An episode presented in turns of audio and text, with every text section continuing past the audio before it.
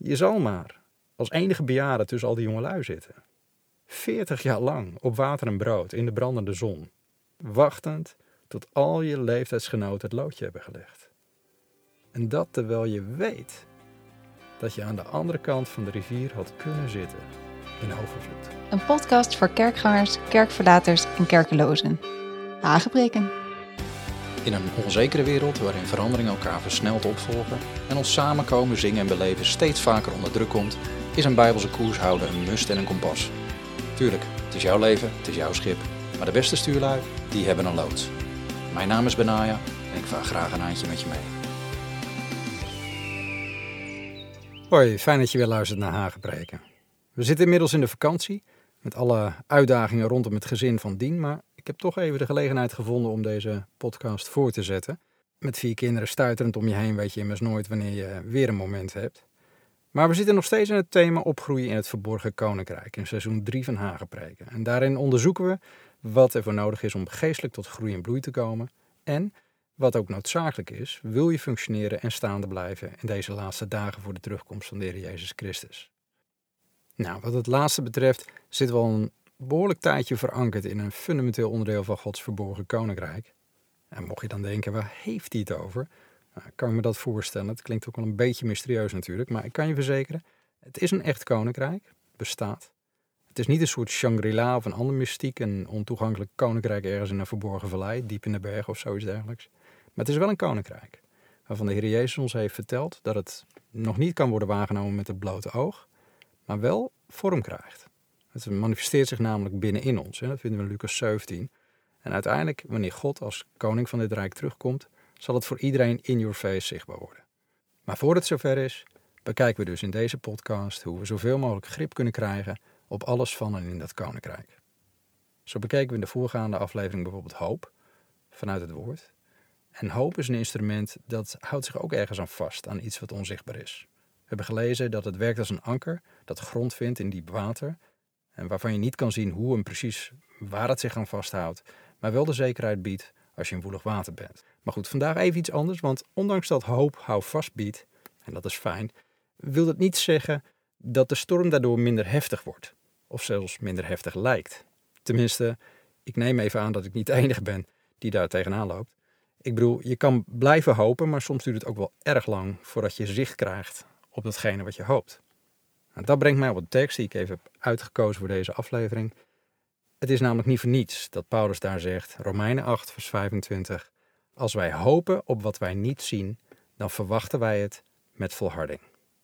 Nou, vorige keer keek we al een keer gericht naar het verwachten, maar deze keer wil ik even stilstaan bij een ander aspect van hoop, en dat is volharding. Je hebt namelijk beide nodig, verwachting en volharding, om hoop een kracht in je leven te laten zijn. Verwachting alleen is gewoon niet genoeg.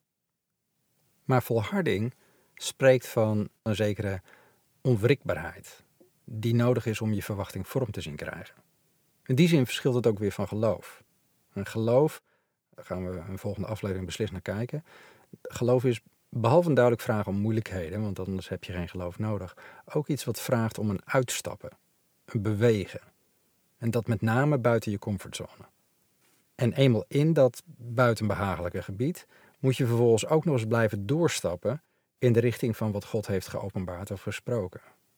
Oftewel, er zit een bepaalde beweging in geloof, een bepaalde vloeibaarheid, een bepaalde ja, viscositeit zou je schijn kunnen zeggen. Dat maakt geloof ook zo dynamisch.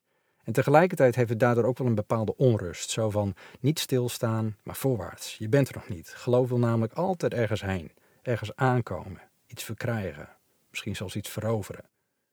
Maar hoop daarentegen vraagt juist om volharding. Misschien is het wel vergelijkbaar met, uh, nou, met het uitharden van beton. En dat is een proces waarbij je juist niets beweegt. Waarbij er geen sprake mag zijn van stroming. Waarbij je gewoon in een toestand van rust moet blijven om een vaste vorm te kunnen aannemen. Waar geloof dus zelf dingen in beweging zet, en eenmaal op stoom ook steeds duidelijker en sterker alles om zich heen doet meebewegen met waarvoor wordt geloofd, wordt hoop juist door externe elementen sterker zolang het in de rust blijft. Net zoals de beweging van de golven en de storm maken dat het anker zich nog sterker en nog dieper vastzet. Een hele boeiende dynamiek. En toch gaan die twee hand in hand en hebben ze elkaar nodig. Want uiteindelijk zegt de Bijbel ook: geloof is de zekerheid, de vaste grond van de dingen die men hoopt. En het is een bewijs van de zaken die men niet ziet. Want je ziet hoop niet. Anders gezegd, hoop verankert zich in Gods woorden, in Gods beloften, die je niet kan zien. Die zijn gewoon nog niet zichtbaar. Maar geloof maakt die beloften wel zichtbaar, maakt ze tastbaar. En zodra dit tastbare feiten zijn geworden, wordt eigenlijk pas zichtbaar wat je al die tijd als vaste grond hebt gehad, waar je op hoopte. Zie je hoe dat werkt? En toch kan je niet eens tot geloofzekerheid komen als je geen hoop meer hebt. Want hoop vormt de verwachting die nodig is voor geloofzekerheid. Nou, ik probeer het op verschillende manieren te zeggen, maar het komt hierop neer. Hoop is dus net zo cruciaal als geloof. Want hoop verwacht en geloof verwezenlijkt. En toch bidden de meeste christenen eerder om meer geloof, of een groter geloof, dan dat zij om een vastere hoop vragen. Tenminste, ik heb nog nooit iemand horen bidden van Heer, geef me de kracht om te volharden in de hoop. Ja, logisch natuurlijk. We, snakken immers naar verandering als we in de piepzak zitten of als we iets nodig hebben.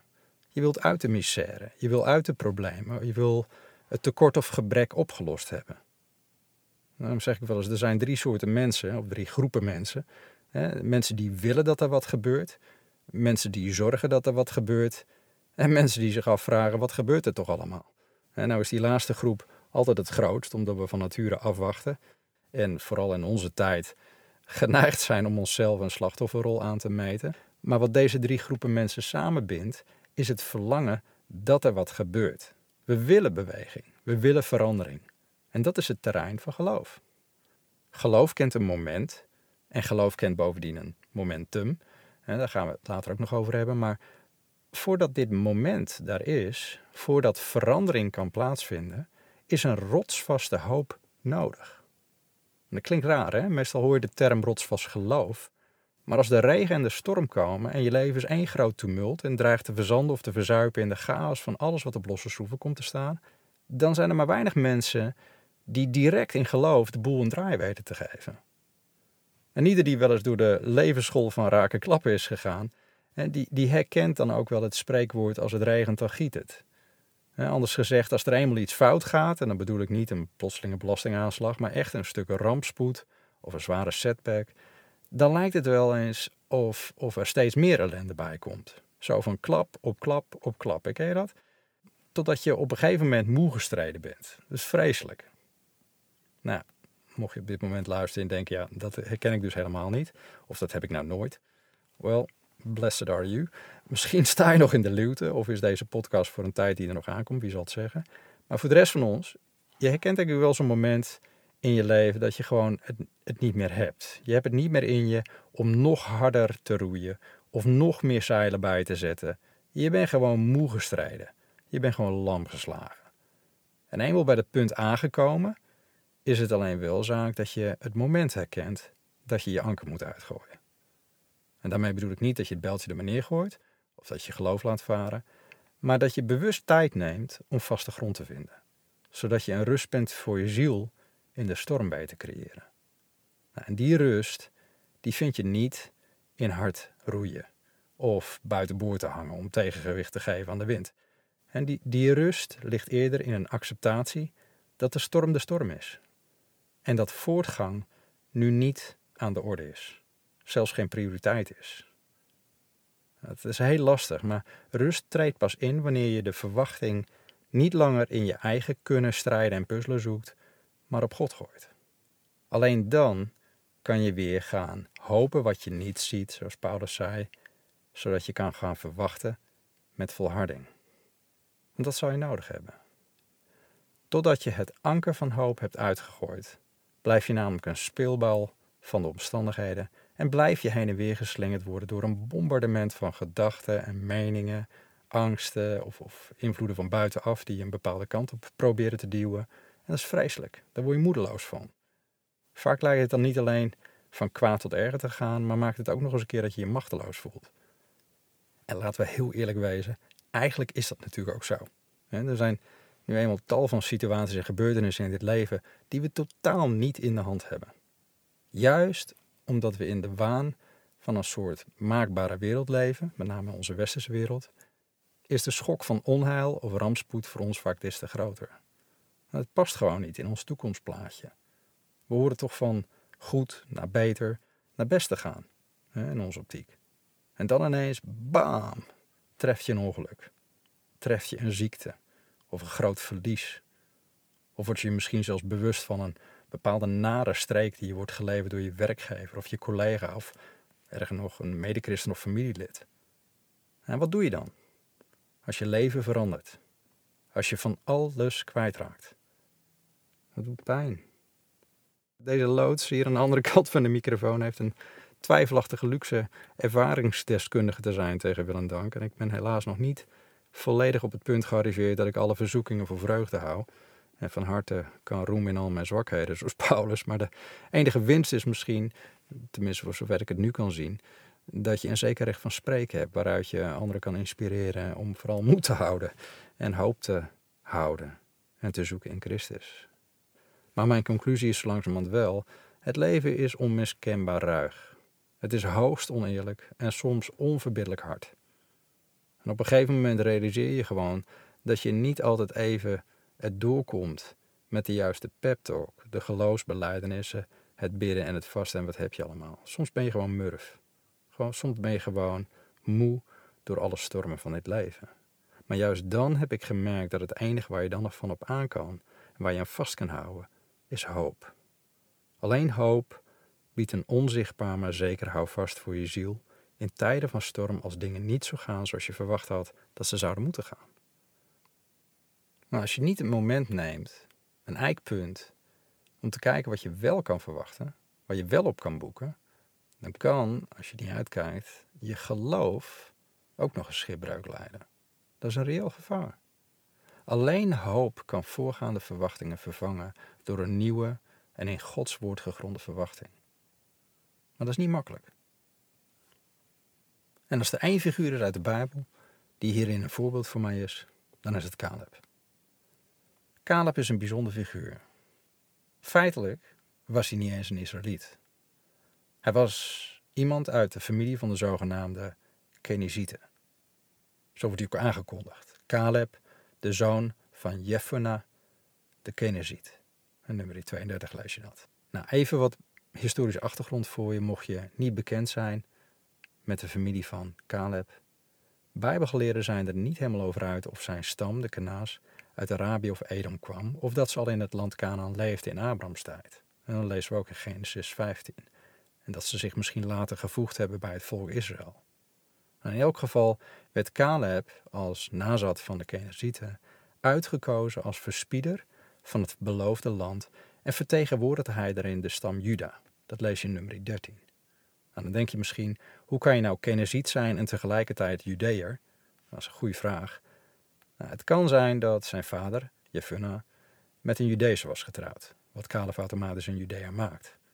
Maar goed, het kan ook zijn dat zijn vader toch een Judea was, maar dat hij simpelweg de man uit het tweede huwelijk van zijn moeder was.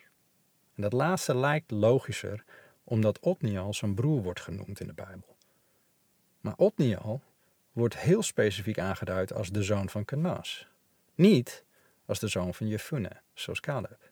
Oftewel, Otniel is kennelijk een halfbroer van Caleb. Nou, misschien was de eerste man van zijn moeder overleden of is opnieuw getrouwd, we weten dat niet. Maar hoe dan ook, ze waren duidelijk een brother from a different father, zo populair gezegd, en ze waren stiefbroers. Nou, waarom noem ik dit alles? In het licht van wat Caleb meemaakt, is dat niet helemaal onbelangrijk. Misschien heeft het zelfs een rol gespeeld bij de keuze van Caleb's naam. De naam Caleb, of Caleb, is op zijn zachtst gezegd apart. Het zou een samenstelling kunnen zijn van twee woorden, namelijk heel en hard, en dan zou Caleb betekenen met het hele hart. Maar als je het als één woord leest, betekent het simpelweg hond. En juist het laatste is niet zo gek, denk ik. Als je namelijk uit een heidense stam komt, bijvoorbeeld als je vader zich bekeert als heiden, of als je broer nog duidelijk de zoon van Canas genoemd wordt omdat zijn vader een Keneziet was, ja, dan ligt discriminatie wel een beetje om de hoek, of in ieder geval pestgedrag. Want jij en jouw familie zijn niet helemaal volbloed. En dus moet je je telkens weer opnieuw bewijzen. En Caleb, dat weten we, was een behoorlijke mannetjesputter. En dan denk je, wat loop je nou te muggenziften benaaien over een naam en over stammen? Wat maakt dat nou toch uit? Nou, het is helemaal niet zo triviaal als het lijkt, want iemand die de naam hond draagt, krijgt wel degelijk een bepaald imago mee. Even voor degenen die niet bekend zijn met de Bijbel, misschien herinner je je zelfs nog dat Jezus de heidense volken die de afgoden dienden beschouwde als onrein, zoals honden. Hij maakte fijntjes bijvoorbeeld die opmerking naar de Canaanese vrouw die in geloof naar hem toe kwam om haar dochter te genezen. En dan zegt hij haar, en dat lees je Matthäus 15, het is niet behoorlijk het brood van de kinderen te nemen en naar de hondjes te werpen. Wauw, dat is behoorlijk bot, toch? Ik bedoel, veel christenen, ik denk ook veel Nederlandse christenen, weten waarschijnlijk niet zo goed raad met deze discriminerende uitlating van de Heer Jezus. Hij zegt hier nogal wat. loopt onze lieve Heer nu werkelijk iemand uit te schelden voor hond? Dat kan toch niet? Nou, wat ik aan de ene kant boeiend vind aan deze anekdote is dat de Heer Jezus wel een verkleinwoordje gebruikt. Hondjes, cunarion. En niet honden. Eh, het is daarom niet ondenkbaar dat dit een beetje wijst op een verzachtende benaderingswijze van deze vrouw. Die hem trouwens wel gelooft als heiden. Maar misschien verraadt het ook wel een kleine knipoog. Zo van, ik weet dat de Canaanieten het niet zo op hebben met de Joden. Dus waarom kom je nou toch een gunst van me vragen? Ja, misschien denk je, ja, je speculeert nou wel heel erg veel. Maar laat me je dit vertellen. Een van de dingen die me meteen opviel toen ik in het Midden-Oosten woonde. Is dat hond een van de meest gangbare denigrerende termen is onder alle verschillende bevolkingsgroepen daar. Het is echt een scheldwoord hoor. Eh, gewoon ook omdat de meeste honden daar een basisfunctie vervullen die ze bij ons vanwege hun huisdieren bestaan op de een of andere manier hebben verloren, namelijk dat van aaseters. En daarmee staan ze nou niet echt te boek als de meest bewonderenswaardige beesten. Dus wie weet, en natuurlijk is dat giswerk, legde de Heer Jezus met zijn hondjesopmerking even de vinger op de zere plek bij deze vrouw. Of had de vrouw zelf ook de gewoonte om over haar buurvolk te spreken in dit soort neerbagende termen? Dat kan natuurlijk ook. Maar goed, hoe het ook zij, zelfs als het niet schertsend was bedoeld, dan schuwt de Heer Jezus in ieder geval nog niet om duidelijk te maken dat volken die niet een verbond hadden met de levende God, voor hem wel degelijk in de categorie hond vielen. Dat blijft in Gods ogen ook zo. Je leest in Openbaringen 22 dat de honden buiten het hemelse Jeruzalem zullen zijn. Oftewel mensen die niet duidelijk deel zijn van het verbond in Christus Jezus. Maar goed, terug naar Caleb. Op zich helemaal niet zo'n fraaie naam dus, voor zo'n jochie zou je zeggen. Hond. Maar ja, ik heb mijn zoontje ook Caleb genoemd. En heel veel mensen vernoemen hun kinderen naar dit soort geloofshelden. Waarom dan? Nou, ik zou je zeggen, het is niet alleen omdat ik van honden hou. Maar er is nog een aspect.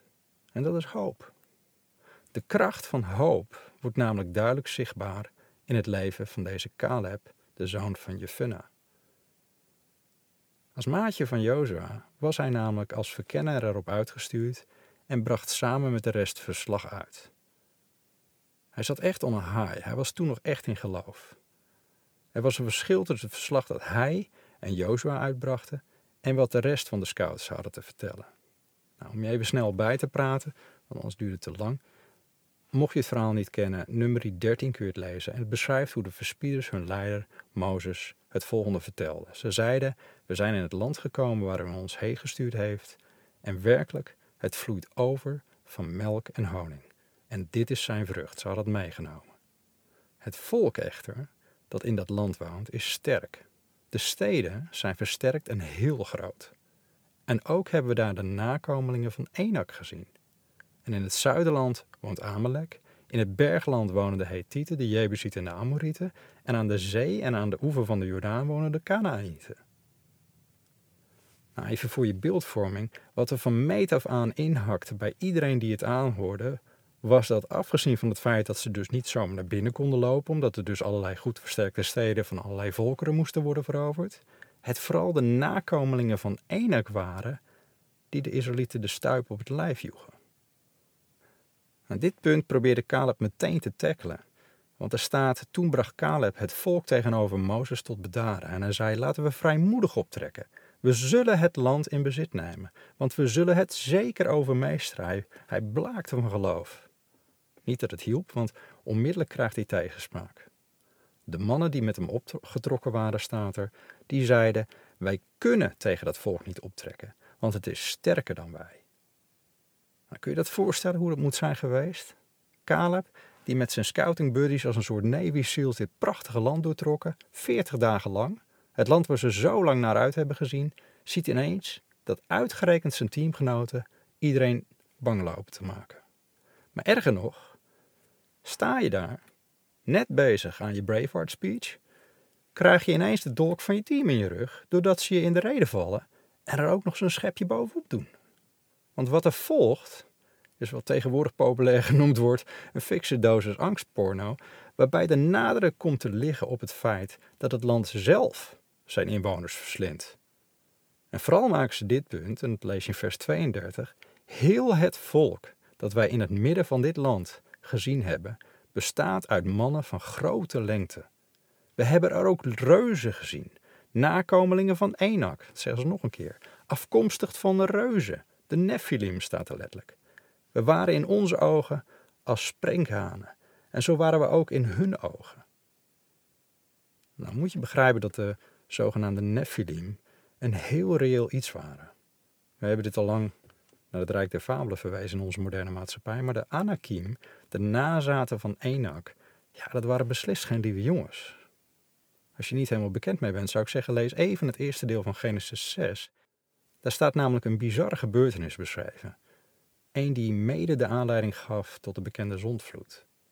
Namelijk een groep engelen die bewust rebelleerden tegen God en zich vrouwen van de mensen toe-eigenden, met als gevolg dat er een gewelddadig, hybride soort ontstond, een kruising tussen engelen en mensen. Dat is bizar. En het is van deze nazaten dat Genesis 6 vers 4 heel duidelijk beschrijft, in die dagen en ook daarna waren er reuzen op de aarde, toen Gods zonen bij de dochters van de mens waren gekomen en die kinderen voor hen baarden. Dit zijn de geweldenaars van oude tijden af, mannen van naam. Het is echt zo'n tekstje waar de meeste mensen hun schouders over ophalen of hoogstens denken, ja, dat was toen en na de zondvloed kwam er niet meer voor. Well, think again. Het zegt dat ook daarna er reuzen op aarde waren en dat is opmerkelijk. Eigenlijk weten we dit ook wel. De meeste mensen kennen toch het verhaal van David die een reus versloeg. Dat vertellen we al aan onze kinderen. Maar dat Goliath ook nog eens drie broers had, ja, dat weten heel veel mensen weer niet. En dat sommige van Davids helden ook nog een keer reuzen doden, dat weten heel veel mensen ook niet. Maar het staat wel allemaal in de Bijbel. En dat is ver na de zondvloed. De Bijbel noemt diverse Nephilim of reuzenfamilies. En niet alleen de Anakim, waar hier naar verwezen wordt, maar ook de Rephaim en de Zamzumim. En Deuteronomie 2 kun je dat lezen. Het bestaan van reuzen, dat is een soort rode draad die je trouwens door de hele geschiedschrijving van de wereld heen ziet. Vrijwel elk volk komt het voor in Noord- en Zuid-Amerika, Afrika, Azië. Overal lees je over gewelddadige reuzen die het op mensen hadden voorzien. Zelfs in ons eigen landje trouwens kennen we het verhaal van de reuzen Ellet en Bromert uit Drenthe. Ik weet niet of je dat nog weet, maar het is dus geen wonder dat iedereen in paniek raakte. Het gevolg was dan ook dat het volk de hele nacht luid aan het jammeren sloeg. En uiteindelijk Mozes en Aaron de schuld gaven. Door te zeggen, waarom we maar in Egypte gebleven? Of waarom we maar in de woestijn gestorven? Waarom we maar gestorven? Waarom brengt God ons naar dit land? Zodat wij en onze kinderen de prooi worden van de vijand? Tjonge, laten we een hoofd aanstellen. Laten we iemand aanstellen en teruggaan. Dat zeggen ze. Ongelooflijk. Na alles wat ze hebben meegemaakt. En dan zie je dat Jozua en Caleb nog één keer proberen dat volk te overtuigen. Hè, van het is een goed land en God zal ons er echt wel inleiden. En je moet niet bang zijn voor de bevolking. Echt twee mannen dapper en vol van geloof. Maar het hielp niet. Het kwam tot een climax en dan zie je iets gebeuren. De reactie is dat het volk hun wil stenigen. Kun je het voorstellen? Het volk wat je dient, het volk waarvoor je het land bent ingegaan, pakt de steen op en wil jou gaan doden. Dat is wel het moment dat God ineens naar beneden kwam en terwijl het volk dat ziet, even een onderonsje met Mozes pleegt over dit volk. En dat vind ik altijd heel boeiend, ook wel beangstigend, dat God zich ineens distancieert van wat tot dusver zijn volk was. Want hij is er klaar mee. Hij noemt het dit volk. Hij wil het treffen met de pest, hij wil het verstoten. En hij zegt, ik begin opnieuw met jou, Mozes. Nou, dan zie je dat Mozes dat hij vervolgens een flink staaltje onderhandelingstechnieken tegenaan gooit om het volk van deze toorn te redden. Een prachtig plaatje trouwens, een soort uh, voorschaduw van wat Jezus voor ons zou doen. Maar God verklaart dan wel dat hij met dit volk zal doen zoals ze zelf hebben gesproken. Ze krijgen te horen dat ze inderdaad zullen sterven in de woestijn. Wow, be careful what you wish for. Iedereen van 20 jaar en ouder weet vanaf dat moment dat zijn dagen geteld zijn. Alleen Caleb en Jozua en alle kleine kinderen, die zullen het land in gaan, zegt God. Maar dat duurt dan nog wel 40 jaar. Kan je het voorstellen? Ik bedoel, vanuit het perspectief van Caleb. Hij was zo vurig, hij was zo vol geloof. En nu? Rechtsomkeerd. Naar een zanderige gevangenis, niet lang start, je ontvangt geen 200 euro. Je zal maar als enige bejaarde tussen al die jongelui zitten. 40 jaar lang op water en brood in de brandende zon. Schapen te kijken. Wachtend tot al je leeftijdsgenoten het loodje hebben gelegd. En dat terwijl je weet dat je aan de andere kant van de rivier had kunnen zitten onder de fruitbomen in overvloed. Caleb, zoon van Jefuna, een Kenaziet. Misschien beschouwd als een hond, als een buitenbeentje, uit de stam Juda, de stam van de leeuw. Hij bleef trouw als een hond, met zijn hele hart gelovend in de woorden van God. En wat heeft dat met hoop te maken?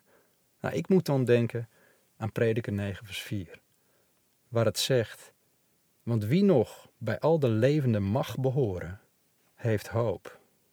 Een levende hond is namelijk beter dan een dode leeuw.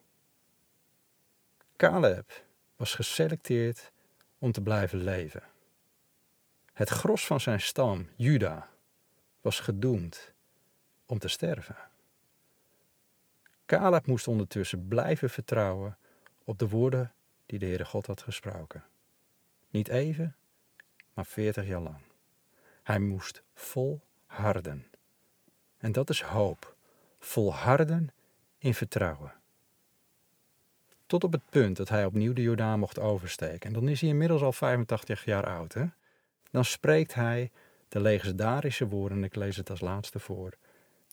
En je leest dit in Jozua 14, vers 10. Dan zegt hij, zie nu heeft de Heere mij in het leven behouden, zoals hij gesproken heeft. Het is nu 45 jaar geleden dat de Heer dit woord tot Mozes gesproken heeft, toen Israël door de woestijn trok. En kijk, vandaag ben ik 85 jaar oud. Ik ben vandaag nog net zo sterk als de dag toen Mozes mij erop uitstuurde. Zoals mijn kracht toen was, zo is mijn kracht nu. Om te strijden, om uit te gaan en om in te gaan. Nu dan. Geef mij dit bergland. Het land waarover de Heer op die dag gesproken heeft. Je hebt immers zelf op die dag gehoord dat daar de Enakieten waren en grote en versterkte steden. Misschien zal de Heer met mij zijn, zodat ik hen verdrijf zoals de Heer gesproken heeft. En toen zegende Jozua hem en gaf Caleb, de zoon van Jefuna, Hebron als erfelijk bezit. En daarom werd Hebron voor Caleb, de zoon van Jefuna, de Keneziet, tot erfelijk bezit tot op deze dag, omdat hij erin volhard had de Heere, de God van Israël, na te volgen. Prachtig. Zelfs al wordt je alles uit handen geslagen. Of staan mensen je naar het leven. En moet je loslaten waar je al die tijd in hebt geloofd. Als je blijft hopen op wat je niet ziet, zal je verwachten met volharding, zegt Romeinen 8 vers 25. En kom je op het punt dat je in geloof kan uitstappen en innemen waar je al die tijd op hebt gehoopt. Ik weet niet waar je staat. Ik weet niet wat je hebt meegemaakt, maar mijn gebed voor jou is dat je volhoudt. Dat je blijft verwachten, ondanks tegenspoed, ondanks rampspoed. Al is alles in beroering om je heen en heb jij het gevoel dat de storm te veel is, gooi dat anker uit. Weet dat hoe langer je aan hoop, jouw verwachting van God vasthoudt, hoe sterker het gaat worden. En als je hierin volhardt, als je het niet loslaat, zal je jouw erfdeel in bezit mogen nemen. In geloof. Maar die stap in geloof, die kan je niet altijd in één keer nemen. Soms moet je eerst komen op het eerste punt. een rustpunt van hoop. En met volharding komt de tijd dat je geloof bergen verzet. Daar gaan we volgende keer naar kijken. Geloof. Voor nu, blijf luisteren naar God. Blijf koers houden naar zijn woord. Volgende keer navigeren we verder.